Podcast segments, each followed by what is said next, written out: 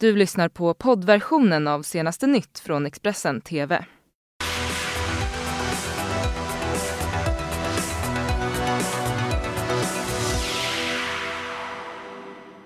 Senaste nytt, det är tisdag och jag heter Fredrik Lenander. Här från studion kommer en nyhetssändning. Busschauffören Benjamin Farah Ali lämnade Sverige och anslöt sig till Islamiska staten. Hör hans berättelse från det kurdiska fängelset. Och Lidingö inför tiggeriförbud efter stormig debatt i kommunfullmäktige. Och så pallade ju Daniel Ståhl för favorittrycket. Tog första VM-guldet på sex år. Vi börjar med att tre personer har anhållits under natten misstänkta för mordförsök. Det var vid 21-tiden under gårdagskvällen som polisen larmades till en lagerlokal i Norrtälje. Och på platsen så hittade polisen en medvetslös man i 30-årsåldern som fördes till sjukhus med ambulans. Hans skador ska ha varit mycket allvarliga men inte livshotande enligt polisens initiala uppgifter. Tre personer, två män och en kvinna i åldrarna 25 till 35 kunde gripas i samband med den här händelsen. Efter förhör så har de anhållits av åklagare och misstänks nu alltså för försök till mord. Brottet ska ha skett inne i lagerlokalen och eh, polisen har i samband med brottet också beslagtagit vissa föremål. Den skadade mannen har inte kunnat höras ännu och motivet bakom det här brottet är fortfarande oklart. Så till politik där vi under gårdagen fick beskedet att socialförsäkringsminister Annika Strandhäll avgår. Det här beslutet kom efter att hennes sambo avled för en månad sedan och hon har sedan dess tagit en paus från regeringsarbetet. I slutet av augusti gick socialförsäkringsminister Annika Strandhälls sambo bort, något som gjorde att hon tog en paus från regeringsarbetet. Men under måndagen meddelade hon via Dagens Nyheter att hon kommer lämna sitt arbete i regeringen. Hon berättar för tidningen att hon har meddelat statsminister Stefan Löfven att hon vill lämna regeringen i närtid och att hon inom de närmsta dagarna kommer att lämna in en begäran om att sluta. Enligt statsvetaren Jenny Madestam kommer det inte som en större chock. Det var väl mer förvånande att hon faktiskt var kvar som eh, minister i och med riksdagens öppnande och eh, regeringsförklaringen och den eh, mindre regeringsombildning eller de nya ministrar som togs in i regeringen då. Eh, det var många som hade kanske funderat över att, att Strandhäll också då skulle avgå i samband med det. Annika Strandhäll har två gemensamma barn med sin sambo och en bonusson. Det är främst för deras skull som hon har tagit det här beslutet om att avgå, berättar hon för Dagens Nyheter. Hon säger också att hon inte kommer lämna politiken helt utan att hon kommer gå över till ett uppdrag som riksdagsledamot. Stefan Löfven skrev på sin Instagram att han har full respekt och stor förståelse för hennes besked. Expressen har varit i kontakt med Annika Strandhälls pressekreterare som i nuläget hänvisar till intervjun i Dagens Nyheter. Under gårdagskvällen så beslutade Lidingö kommun att eh, omedelbart och omgående införa ett lokalt tiggeriförbud. Beslutet som då föregicks av en lång och livlig debatt togs med minsta möjliga marginal. 26 röster för, 25 röster emot rapporterade DN om. Kommunen styrs av Moderaterna, Kristdemokraterna, det lokala Lidingöpartiet och Liberalerna. Och de tre förstnämnda står bakom förbudet medan Liberalerna inte vill ha det. Alltså jag tror att tiggeriet ska bort från Sverige. Jag tycker tiggeri är ett dåligt sätt att försörja sig. Det var med minsta möjliga majoritet som Lidingö kommun under måndagskvällen röstade igenom ett tiggeriförbud. 26 röstade för beslutet och 25 emot.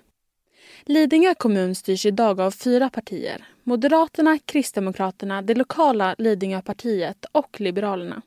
Alla partier står bakom beslutet förutom Liberalerna som anser att ett förbud inte löser problemet. Den rödgröna oppositionen och Centerpartiet är också motståndare till förbudet. Och Centerns Patrik Budgård säger till Dagens Nyheter att ett lokalt förbud inte löser problemet utan bara flyttar det till andra kommuner. Han tycker även att det är orimligt att göra det kriminellt att be om hjälp. Men Moderaternas Daniel Källenfors menar att tiggeri inte är någon väg ur fattigdom. Det här börjar gälla omgående och innebär ett lokalt tiggeriförbud i Lidingö kommun. Det blir inte bättre för att det är utländska människors medborgare som tigger.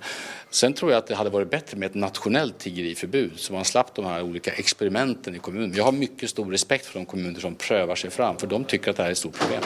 Vi har sagt just det att, att kommuner eh, som vill göra detta eh, har, ju, har ju att pröva den, den lagstiftningen då. Nu är den prövad till högsta instans och nu vet vi vad som gäller. Vad tror du att konsekvensen blir i andra kommuner av att Vellinge nu får rätt att införa tiggeriförbud? Ja, det är lite svårt att säga. Vi vet att några andra kommuner vill ha liknande eh, regler. Eskilstuna har gett uttryck för det. Det finns andra kommuner. Så nu är det bara att följa den utvecklingen. Vi ska utrikes och det ska nu handla om eh, tidigare busschauffören Benjamin Farah Ali som en höstdag 2013 inte dök upp på jobbet. Istället så hade han åkt ner till Syrien och anslutit sig till en ökänd IS-brigad döpt efter al-Qaida-ledaren Anwar al-Awlaki. Det kurdiska mediateamet Reproduction har nu träffat honom i ett kurdiskt kontrollerat fängelse och Expressen har bedömt att värdet av att publicera Benjamin Farah Alis berättelse överväger de brister och det faktum att han frågas ut som krigsfånge. I miss Sweden. ما أعرف كيف أقول بالعربي. اشتقت للسويد. كل يوم أنا أتكلم في المهجع. إخوة. في أحد من أصدقائي كان موجود هون. رجع إلى السويد. كلمني كان أسمع هذا الدروس سمعت سيرة أبو بكر وسيرة عمر بن الخطاب. بعدين قلت له هذا أخ أنا أريد أذهب إلى سوريا. قال لي ليش أنا أريد؟ أنا قلت أنا أريد بس أقتل ليس أقتل يعني أق... قتل أنا نفسي أقتل وأكون شهيد. في مثال أنا قلت لك دخلت إلى كتيبة أنور الأولكي. أعطاني موتور فأحيانا كان وضع أكل في مرابط إلى مرابطين. بالبداية كان يعطيك 100 دولار. إذا عندك زوجة أنت 100 ولزوجتك 50 بعدين نزل النوب صار 35 و35 في آخر وقت في رقة أعطانا ما أعرف هدية مصاري زيادة. يعني طلع خمسين مرة ثانية بعدين أعطانا وأتذكر واحد شهر آخر مصاري أخذت كان ممكن 200 و 300 دولار. قال هذا 200 لك هذا 100 لزوجتك هذا 100 للطفل ما أعرف ممكن كان خافوه سكر طريقه يقصف وين مكان موجود مال وأنا طلعت يوم الخميس تقريبا ثلاثة أيام قبل قبل آخر يوم. كنا تقريبا 11 شخص في سيارة.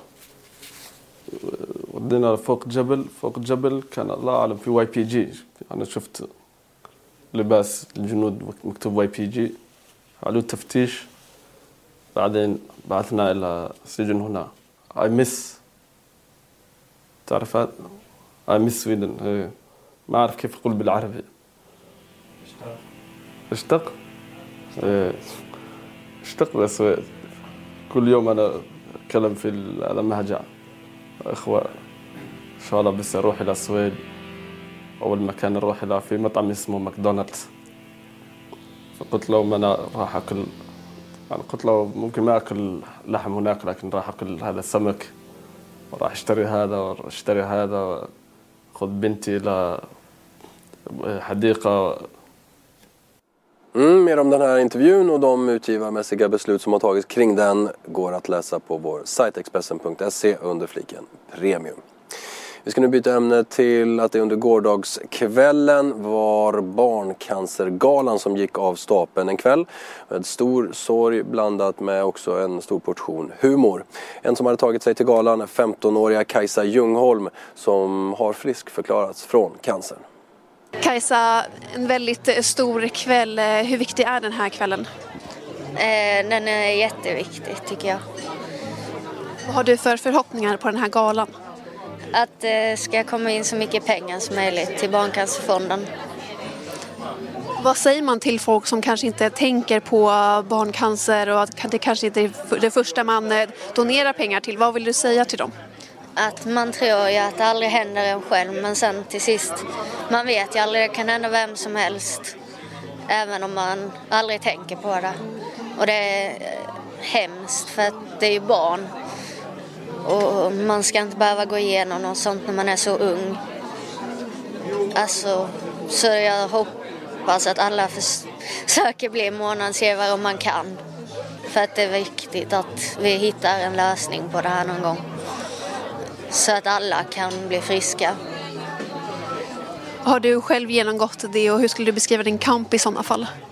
Ja, jag har precis blivit färdigbehandlad. Eh, och det är jättetufft. Man tror, alltså man vet ju att det är tufft innan men det är tuffare än vad man tror. Och det är mycket mer grejer som folk inte vet som händer än det som syns utåt. Mm, en gala som vi bevakade under gårdagen alltså. Vi bakar också naturligtvis friidrotts-VM där Daniel Ståhl pallade för favorittrycket. Han slungade iväg diskusen i 67,59 cm och, eh, eller meter ska jag säga, och plockade därmed hem Sveriges första VM-guld i friidrott sedan 2013 och första svenska guldmedaljen på hela 16 år på herrsidan. sidan. Sportexpressens Filip Gadd och Petter Landén berättar om känslorna efter det här guldet och blickar även framåt mot nästa guldchans, stavhoppsfinalen idag med Armand Duplantis. Det blev en historisk svensk friidrottskväll här i Doha när Daniel Ståhl som förväntat höll för favorittrycket i diskusfinalen och kastade hem ett guld. Vilken prestation! Ja, faktiskt. Helt otroligt. Det, man ska säga att det, det togs upp att längderna är inte det vi har sett tidigare under året men det här är en mästerskapsfinal. Det är det här hela säsongen handlar om och att då palla trycket och vara bäst när det gäller. Bara att lyfta på hatten. Det snackades inte på förhand om Daniel Ståhl skulle ta guldet, utan kanske mer hur stor marginalen skulle bli. Så stort var favorittrycket på honom. Eh, det blev kanske inte de här längderna som man hade förväntat sig. Hur tyckte du att han såg ut under finalen? Alltså, jag kände ju att det var ett litet darr ändå på något sätt eh, i början när det liksom inte kom det här kastet som vi väntade oss. Men allt eftersom man såg att konkurrenterna nästan hade samma problem så kändes det lugnare. Det som att Daniel har kontroll på det här och om det verkligen skulle krävas tror jag att han hade ett längre kast i kroppen. Och efter Patrik Sjöberg och Christian Olsson så är nu alltså Daniel Ståhl den tredje manlige svenska friidrottaren genom tiderna att ta ett VM-guld utomhus. Eh, om man tittar historiskt sett, hur stort är detta? Ja men du säger det nästan själv, han är ju nummer tre. Det är ju enormt stort. Alltså, och han är världsbäst, det är liksom inte så mycket att säga. Det är ett jättestort svenskt idrottsögonblick, det är det verkligen. Och det första svenska guldet är i hamn här i Doha och eh, redan eh, ja, mindre än 24 timmar efter Daniel Ståhls guld så kan Sverige få ytterligare rätt genom Armand Duplantis som eh, kliver in i en eh, stavfinal och är ett stort medaljhopp.